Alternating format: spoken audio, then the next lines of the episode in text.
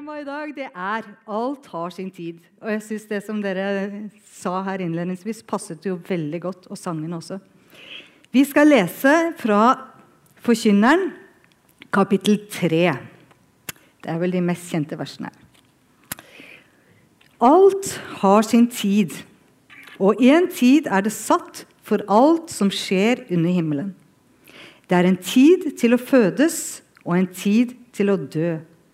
En tid til å plante og en tid til å rykke opp det som er plantet. En tid til å drepe og en tid til å lege. En tid til å rive ned og en tid til å bygge opp. En tid til å gråte og en tid til å le. En tid til å klage og en tid til å danse. En tid til å kaste bort steiner og en tid til å samle steiner. En tid til å ta i favn og en tid til å holde seg fra fanetak. En tid til å søke og en tid til å tape. En tid til å gjemme og en tid til å kaste. En tid til å rive i stykker og en tid til å sy sammen. En tid til å tie og en tid til å tale. En tid til å elske og en tid til å hate. En tid til krig og en tid til fred. Kjære Jesus, tusen takk for ditt ord, Herre. Takk for at du har sagt at det er en tid for alt, Herre. Vi ber om at du skal komme med din ånd, Herre, og gi oss lys over ditt ord, Herre. Takk for at uh, ditt ord skal være til oppmuntring, formaning og trøst, Herre. Amen.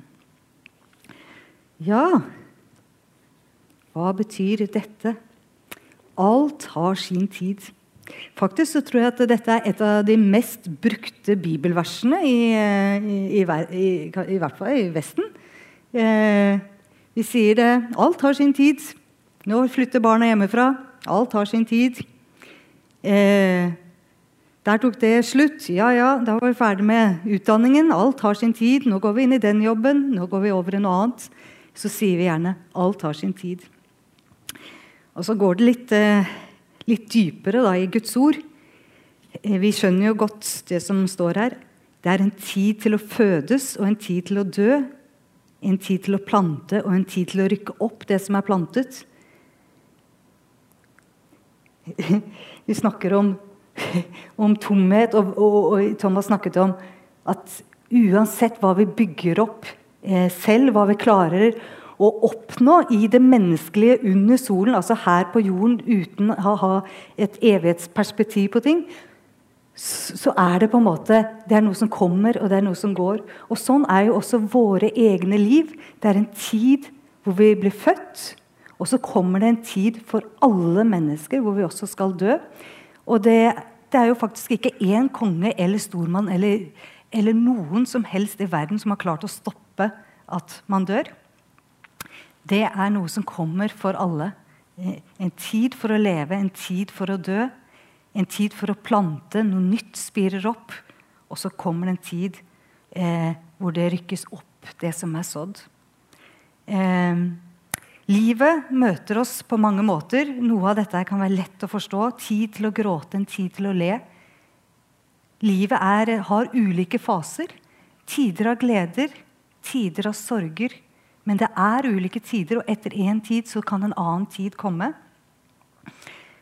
En tid til å kaste bort stein og en tid til å samle steiner. Jeg leste at eh, når det var krig eh, i Israel så, eh, så, tok de alle de steinene som de hadde samlet til side for å dyrke åkeren, og kastet tilbake for å, for å ødelegge for fienden. Eh, og så kom tider av fred, hvor de samlet dem tilbake igjen. En tid for å søke, en tid for å tape, en tid for å gjemme, en tid for å kaste. For å rive i stykker og sy sammen. I, i, i, i Gammeltestamentet så hadde jo vanen at de rev fra hverandre klærne når de sørget. Dere har hørt De sønderrev står det, klærne, og så sydde de dem sammen når sorgen var over igjen. En tid til å elske, en tid til å hate, en tid til krig og en tid til fred. Vi har jo opplevd Vi trodde kanskje at vi skulle leve i fred etter andre verdenskrig. Og så har vi opplevd Der tok den tiden av fred slutt. I hvert fall i deler i Ukraina. eh, Det er skiftende tider i våre liv, og det er skiftende tider i, i samfunnet. Før pandemien var det vel ingen som tenkte at eh, Jeg husker Kjell Arne snakket om Oi, nå har det kommet en pandemi i Kina. Og han sa det tar nok ikke lang tid før den er her. Og jeg tenkte det er jo langt fra Kina. Men det tok ikke lang tid. Ja. Det er skiftende tider. Nå er vi over. Vi har hatt fremgang økonomisk i veldig, veldig mange år. Nå begynner det å snu. Det er en tid for alt, men det kan snu igjen. Ja. Livet møter oss på veldig mange forskjellige måter. Og her hvor vi sitter rundt omkring nå, så er vi i forskjellige tider alle sammen. Noen er i tider av glede, noen er nygifte. Noen eh, eh, er ungdom og lever i, i, glade dager. Andre har kanskje kommet til tider hvor du lever mer i sorg. Kanskje du har mistet eh, noen kjære. Kanskje sykdom har rammet. Det er forskjellige tider i livet. Og Bibelen sier sånn er det. Vi kan lese Forkynneren 7, 29. Så står det Se, dette er det eneste jeg har funnet ut. Gud skapte mennesket som det skulle være, men det har mange underlige ting for seg. Det har jeg, det har jeg alltid syntes vært litt morsomt. Jeg tenkte, Det kommer jeg aldri til å tale om, men nå kommer det. vet du. Gud skapte mennesket som det skulle være, men det har mange underlige ting for seg. Sånn er, det, sånn er livet. Og på, i, i 7.14.: På en god dag skal du være ved godt mot, og på en ond dag skal du tenke på at Gud har gjort den også, like så vel som den andre, for at mennesket ikke skal finne ut eh, eh noe om det som kommer etter. Jeg husker når jeg var nyfrelst. Jeg var 17 år og kom inn i, på en gudstjeneste med hjelmen på armen. og ble møtt av Gud eh, veldig sterkt eh, mens jeg satt i benkeraden og ungdommene var framme og sang. Og, og, jeg ble fylt av sånn enorm glede og enorm fred eh, i livet mitt. Og, og, det tok jeg med meg ut i mange uker etterpå. Så var det liksom som at jeg bare var nyforelska, nyfrelst. Og jeg tenkte Oi, sånn er det å være kristen. Det er Da er det alltid om jeg, om jeg følte meg litt nedfor, så kunne jeg bare be, og så kjente jeg der kom gleden. ja, der kom gleden igjen og igjen. Og jeg kjente den freden, den dype freden. Og jeg tenkte dette er fantastisk. Og Noen ganger så tenker vi at ja, sånn, sånn er livet med Gud. Han beskytter oss. Jeg ble helbreda. Eh, jeg, fikk alt jeg, jeg hadde alt jeg trengte. Og veldig mange ganger så tenker vi at ja, Gud er med. Gud er, Gud er virkelig med. Men så kommer det kanskje andre tider da, hvor, eh, hvor man kanskje ikke blir helbredet, og kanskje ikke, ikke, livet smiler, og du kjenner ikke den samme gleden. Hva, hva, med den tiden? Er Gud i den tiden? Ja, det har vi jo lært. Gud er med i alle tider og alle måter. Men jeg tenker, det er så lett uh, for meg som mor å, å, be over mine barn. Gud velsigne dem. La dem få en fin dag. La oss få det fint på ferie. La, oss, uh, la, la alt gå bra. Det er jo det vi ber. Og, og, det er ikke noe feil å be det. Det er, det er bra å be om velsignelser og be om det gode. Men samtidig sier Bibelen at det er en tid for alt. Og, og, Gud vil ikke at vi skal vite om alle tider som kommer. Gud tillater ulike tider i våre liv. Det, bare, det betyr ikke nødvendigvis at Gud ikke er med oss, men kanskje Gud vil noe annet i våre liv enn det vi har tenkt. Jeg tenkte at å, Det viktigste er at jeg blir frisk, og at eh, jeg har masse overskudd, så jeg kan gjøre det jeg vil.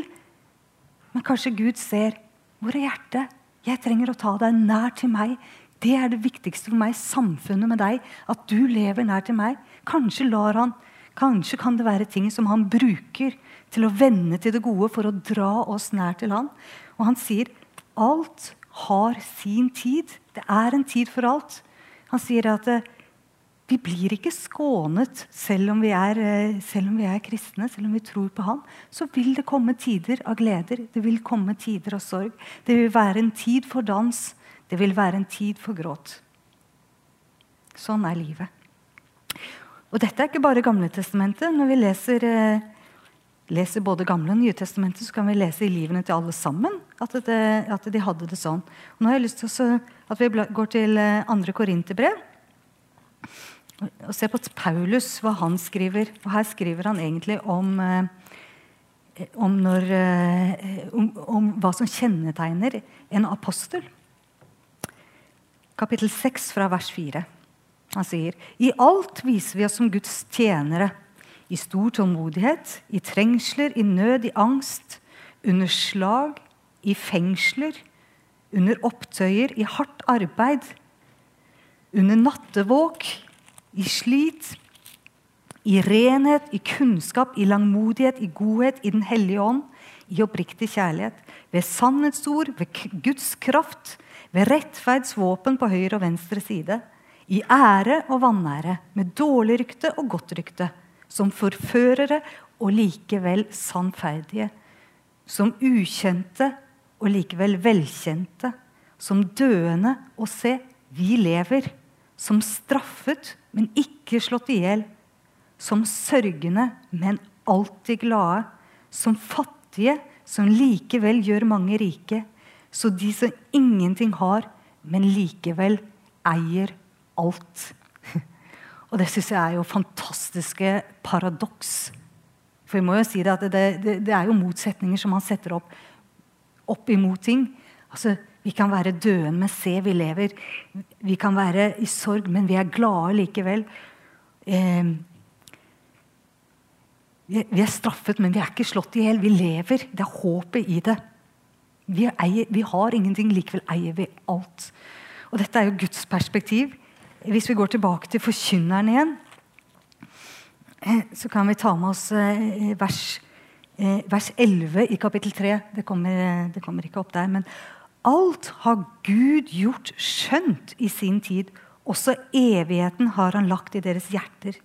Men likevel kan mennesket ikke forstå det verk Gud gjør fra begynnelsen til enden. Mm.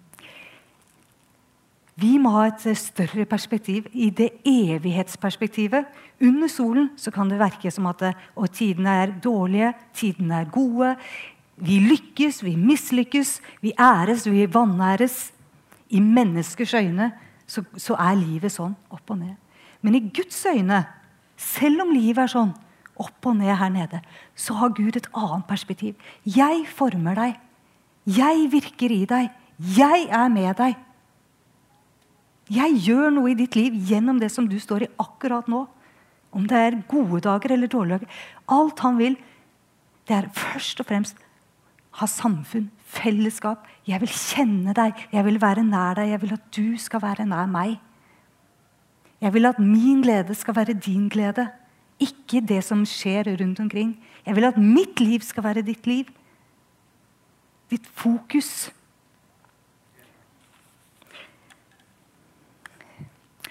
Veldig ofte så har vi lett for å streke under de fine versene, og det er jo vel og bra. Og vi, tar, vi trekker kanskje et mannakorn, og vi, vi, sender noen fine vers. Men jeg tenker at det er jo så viktig at vi tar hele Guds ord. Hele Guds ord. Ikke bare de små tingene. Eh, at vi ser Gud. Gud er større. Hans veier er større enn våre veier. Hans tanker er større enn våre tanker. Når vi ikke forstår hvorfor skjer dette, hvorfor får jeg ikke svar Det er en tid for alt. Det er en tid for alt. Kanskje må du gjennom en fase fordi Gud vil noe med det. Kanskje han har en plan. Og så har vi så lett for å tenke ja, men, ja, men hvis jeg hvis jeg er travelt, hvis, hvis, jeg har det så slitsomt, hvis jeg ikke er frisk, hvis jeg orker ting da får jeg jo ikke tjent deg. Men er det sånn Gud tenker? Nei. Han Gud ser til hva ligger i ditt hjerte. Hva kaller jeg deg til? Hva er, det, hva er det jeg vil for deg i denne tiden? Og tidene kan forandre seg. Det er en tid for alt. I, I, mitt liv har det vært en lang tid hvor jeg var eh, eh singel. og kunne reise verden rundt og forkynne evangeliet. Um, og jeg syns jo det var, det var jo en helt fantastisk tid. Selv om jeg da lengta Jeg tenkte jeg håper jeg blir gift og jeg håper jeg får barn. Selvfølgelig. Jeg ble, som jeg sa, jeg ble frelst da jeg var 17. første misjonsreisen jeg dro på, da var sommeren etterpå. Da skulle jeg egentlig til Syden. Jeg meldte meg på en svær eh, sånn internasjonal OM-leir i Tyskland. Og så skulle vi ut tre uker etterpå, fire uker, uten å kjenne noen. Jeg husker jeg satt og hadde fastet. og jeg, hadde, hadde, gikk på bussen, kjente ingen og skulle på team. Og jeg ble satt på et team til Syden. Sol og strand og sikkert eh, evangelisering også. Men jeg tenkte nei, jeg skal ikke til Syden. Kjære vene, det kan noen andre dra. tenkte Jeg vil dra der hvor liksom folk ikke har hørt om deg. Og så sa jeg kan jeg få lov til å dra til Øst-Europa. Liksom til noen av disse her. Ja, Så var det masse om og men. Og så OK, Krakow. Og så fikk jeg dra til Krakow. Og, den, på den tida så var det jo dette, dette, er jo lenge siden, så da var det jo skikkelig Øst-Europa. Og det var mange som ikke kunne engelsk. Og da var jo jeg såpass ute av skolen at jeg faktisk kunne litt tysk. sånn at Hver gang det kom noen som kunne tysk, det var det ganske mange, så fikk jeg lov å gå og forkynne og, og vitne for dem. Og jeg var så glad.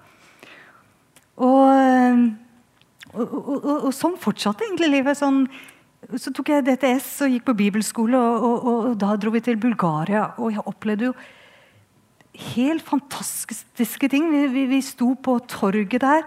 Og folk kom eh, altså Vi hadde møter, og, og, og, det var vekkelse i 1990. Akkurat murene falt, og folk bare strømmet på og ville høre evangeliet. Og så kom de til oss på gata med de som var sjuke, og folk som var halte, begynte å, å, å, å gå. Og folk som hadde svulster som forsvant. og Det var til og med det var masse masse mirakler som skjedde hele tida. Når vi gikk på postkontoret, så ba de oss om å be for dem. Og på butikken så måtte vi be for folk. Og overalt hvor vi var. Og det skjedde mirakler hele veien. Og vi bare, jeg husker jeg kom hjem, og jeg følte at jeg liksom bare fløy. Eh, jeg husker når vi skulle be, så klarte jeg ikke å stå stille. Jeg måtte liksom hoppe, for det var så mye energi på innsida. Jeg har liksom opplevd eh, Guds under og mirakler og Guds nærvær og, og det Gud kunne gjøre.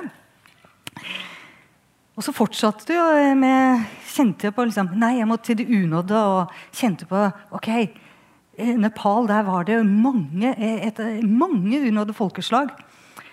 Og jeg kjente der skal jeg. Og jeg kjente jo ingen. Og Gud bare åpnet dørene og ga meg kontakter. og kom ned, og Jeg husker første gang jeg traff folk som aldri hadde hørt evangeliet før. Og få lov til å fortelle folk som aldri hadde hørt om Jesus. Jeg tenkte dette må være det beste i hele verden å stå i. Og få lov til å være med på sånne ting. Og jeg husker jeg skulle også, Vi skulle reise til Kurdistan, Irak. Og det var liksom mens det var krig der borte. Og så, og så, ble, så var det et fly som ble skutt på. Så, så, så, så, da stengte de hele flyplassen alle flyavganger, så vi måtte dra til Tyrkia. Jeg husker jeg var så skuffa at jeg ikke fikk dra til Kurdistan. Men kanskje en gang seinere i livet. Vi får se. En tid for alt. Um, og så var jo veldig glad. Da så traff jeg en mann. Og så, og var det jo på mirakuløst vis. og De ga oss 5% sjanse for barn. Og så fikk vi barn. Det var jo et mirakel. og jeg var kjempeglad. Og så fikk vi en jente til, og det var jo kjempeglad for det også. Og så eh, kan man jo si da, så flytta jeg til Tau vet du, fra Jeg bodde jo i Oslo. Eller Bærum. ja da. Fra Bærum til Tau, og folk liksom Oi! Ja. Jobbet i baptistsamfunnet som integrasjonsleder og reiste rundt i, i, og fulgte prosjekter i avkroker i India som ingen drar til. Eh, med flyktninger fra Burma. Eh, det var masse, masse spennende. Men hvorfor sier jeg dette? Er det for å liksom Nei. ikke det. Og i dag så står jeg her. I natt har jeg vært oppe og tørket spy midt på natta. I går natt var jeg oppe og tørket spy. På tirsdag var det samme. Eh, jeg måtte være inne hele dagen, men sola skinte fordi at jenta vår var sjuk. Og du kan tenke litt Oi, dette livet som du liksom drømmer om, plutselig tar realiteten deg. og det er liksom oh, Hvor er det fantastiske? Det er fantastisk! Det er fantastisk. Alle dere som har barn, dere gjør en fantastisk jobb. Det må jeg si. Og Gud sier det er en tid for alt. Vi kan lett tenke menneskelig at ja, når jeg sto foran 1000 mennesker i et fengsel i, i, i, Ukraina, så var det fantastisk. liksom. Og det var det. Men når jeg er hjemme og tar med den lille jenta som er sjuk, så er det like fantastisk. I Guds øyne så er det like viktig som det, som det andre. Det er ikke sånn at det, ja, at det ene er viktigere. Det som Gud vil, det er at vi skal være lydige mot han i den tiden og i det han har satt oss. Har han kalt oss til å dra ut, så dra ut. Har han kalt oss til å ta oss av små barn, så skal vi ta oss av små barn. Har vi eldre foreldre, som tar, så gjør det. Han kalt deg til å gå ut i nabolaget, så gå der. Ikke prøv å gjøre annet enn det Gud har kalt oss til. Det er en tid for alt. Alt har sin tid, sier Bibelen. Alt har sin tid. Det kan være en tid hvor vi må trekke oss mer tilbake. Men kanskje Gud vil noe, kanskje han vil dra oss nærmere seg. Kanskje han vil lære oss noen ting. Gud har en tid. Og det, det er et veldig viktig vers som står i 1. Samuels bok, kapittel 15, 22. Der står det Da sa Samuel, har vel Herren like meget behag i brennoffer og slakteoffer som i lydighet mot Herrens ord? Nei, Lydighet er bedre enn offer. Lydhørhet er bedre enn fettet av værer. Og Det er noe vi må holde fram. Lydighet er bedre enn offer. Ja, En av de menighetene vi i, var med å plante i Nepal, den, eh, der måtte du sitte én dag på buss og gå i fem dager. Eh, over fem, altså 1000 meter opp, 1000 meter ned. sånn Bortover sånn i fem dager si det er et offer, det også. Det er med tung sekk over bibler og traktater å, bære i mange dager. Fordi det ikke finnes bilvei, ikke sant? Hvis du skal ta det offeret, så ta det offeret. Hvis du skal ta det offeret Ok, jeg må være inne selv om sola skinner og alle andre gjør andre ting. Så ta det offeret. Lydighet er bedre enn offer. Hva er et offer for Gud? Et offer som er selvvalgt, er ikke et offer for Gud. Jesus sier eh, i, i Skal vi se hva det ja, i, i, ja, samme i, evangeliet så sier han at noen de sa at de pengene jeg skulle gi til min mor og far, de gir jeg til tempelet. Og så følte de seg prektige og gode. Så sier Jesus nei, da hedrer du ikke din far og din mor. Da bryter du budet. Jeg har ikke kalt deg til å ta de pengene fra din mor og far og gi dem til tempelet. Og vi gjør kanskje ikke det med penger, men kanskje med tid. Kanskje med tid av og til. At vi tenker at ja, jeg tjener. Jeg skal tjene. Jeg skal gjøre ditt, og jeg skal gjøre datt. Men hvis det går utover de nærmeste, utover det vi har kalt til, så er det ikke sikkert at det er et offer som er Gud til behag. Vi må kjenne, vi må vite i våre hjerter hva har Gud kalt meg til? Hvilke offer skal jeg ta?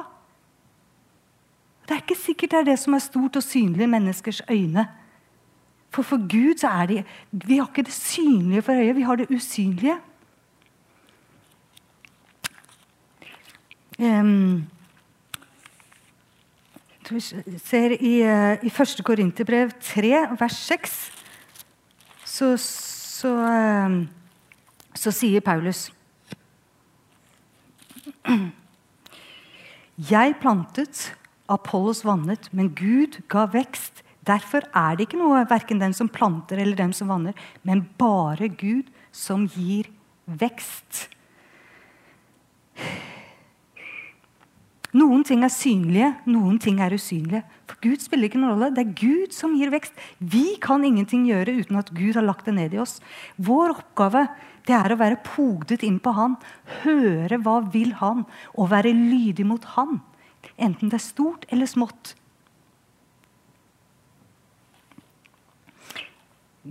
Dette gjelder også oss som menighet. Eh, vi har veldig lett for å dra fram f.eks.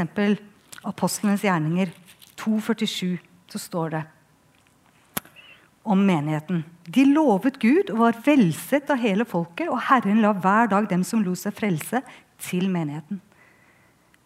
Det er et vers vi liker. Ah, de hadde fred, de var velsett av hele folket. Det er vel vår drøm. ikke sant? Tenk å være velsett på Jørpeland og hele stranden og, og ha godvilje, og folk liker oss, og det er bra. Men så ser vi når vi leser resten av apostelens gjerninger, så ser du bare det er forfølgelse, de blir kastet i fengsel, det er vanære. Det er, eh, det er ikke fryd og gammen, og de er ikke lenger velsett av hele folket. Og Vi har lett for å liksom dra ut det gode og tenke ja, det må vi. Og det, ja, det er en tid for alt. Er vi velsett av folket, så ja, takk Gud for det. Om vi blir forfulgt, eller om det ikke er vanæret, eller hva det er. Ok, kanskje da er det en tid for det. Det vi må være opptatt av, er ikke, er ikke å være populære for mennesker. Vi må være populære for Gud. Det er ikke å se på de synlige resultatene, men å se på det som Å være lydig mot det Gud vil. Og Derfor så tenker jeg noen ganger så må vi bare eh, løfte ting opp. Hva vil du, Gud, nå? Hva har du nå? Hva er viktig nå? Vi har veldig lett for å være orientert på resultater, være opptatt av at ja, men dette må vi gjøre. Og så er Gud mye mer opptatt av relasjonen. Han er opptatt av hvor er hjertet ditt med meg? Følger dere meg? Gjør dere det jeg vil?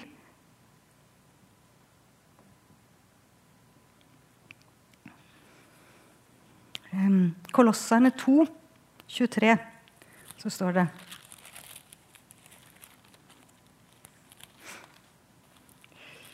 Nei, beklager. 3.23. Ja, der står det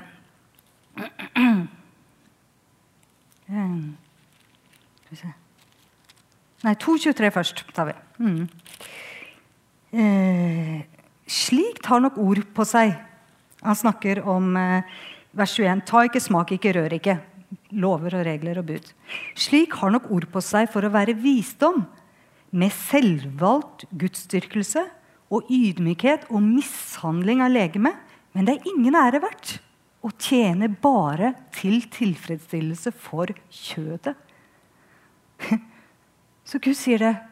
Hvis vi velger å tjene ting som ikke er til altså, Vi kan mishandle oss selv. Dere har sikkert sett disse her under påsken som slår seg til blods.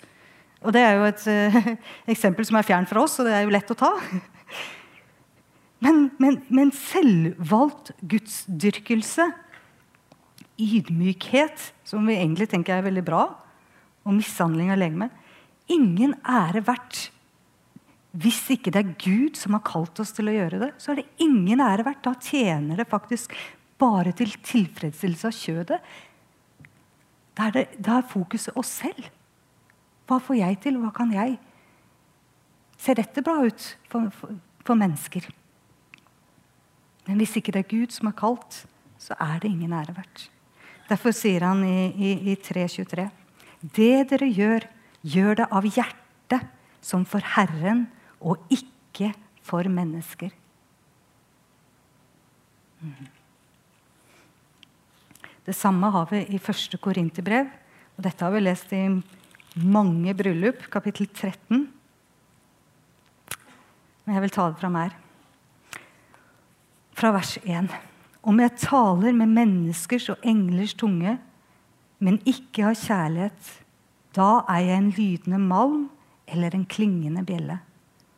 Om jeg har profetisk gave og kjenner alle hemmeligheter og all kunnskap, om jeg har all tro så jeg kan flytte fjell, men ikke har kjærlighet, da er jeg intet. Om jeg gir alt det jeg eier til mat for de fattige, og om jeg gir mitt legeme til å brennes, men ikke har kjærlighet, da gagner det meg intet. Med andre ord hvilken nådegave vi har, hvor mye tro vi har, hvor mye kunnskap vi har, hvor mye vi gir, hvor mye vi lider. Det er mange ting som kan være bra i seg selv. Det er bra å gi, det er bra å ha tro, det er bra å ha kunnskap. Men hvis vi ikke har kjærlighet, hvis ikke hjertet er på rette stedet, så betyr det ingenting. Sånn er Gud. Han vil ha lydighet, han vil ha hjerte, han vil ha våre liv. Det er en tid for alt. En tid for alt.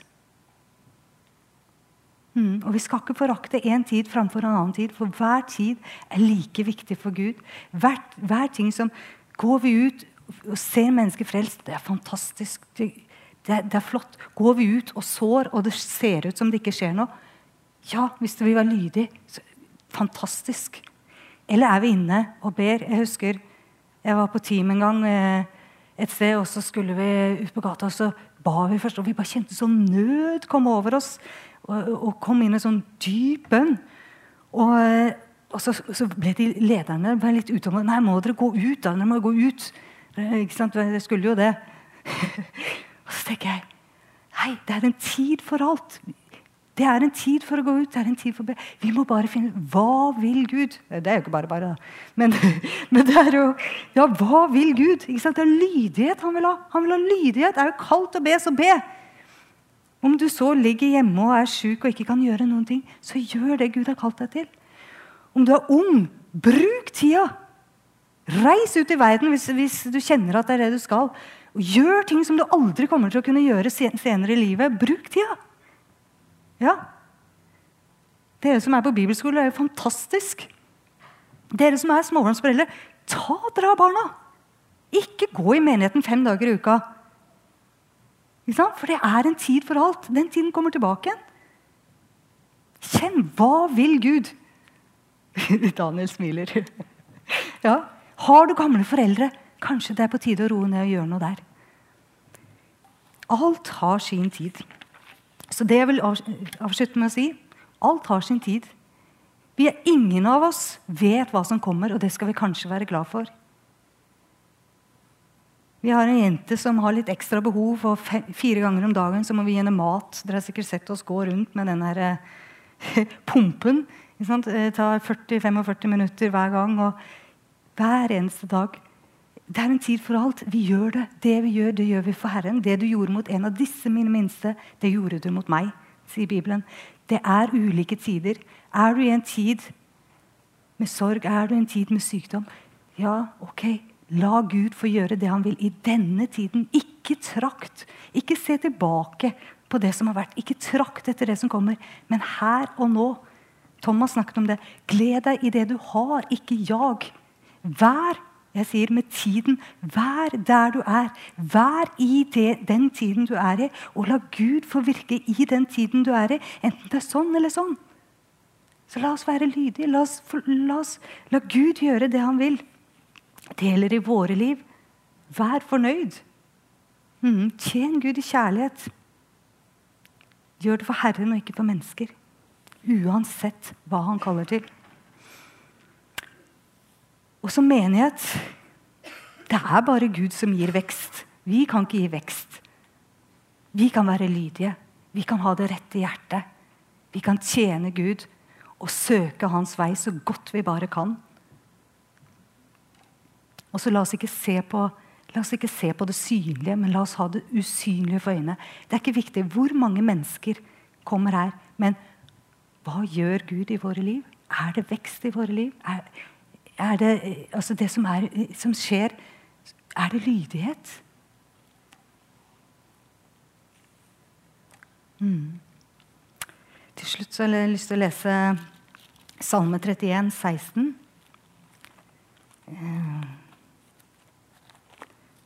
Et kort, lite vers som ikke er markert.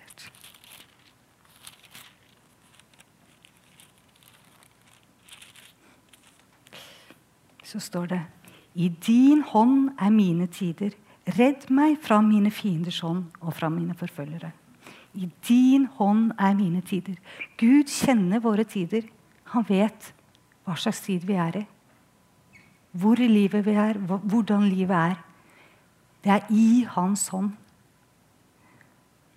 La ham få lov til å virke i det, og vit at Gud har kontroll på det. Mm. Amen.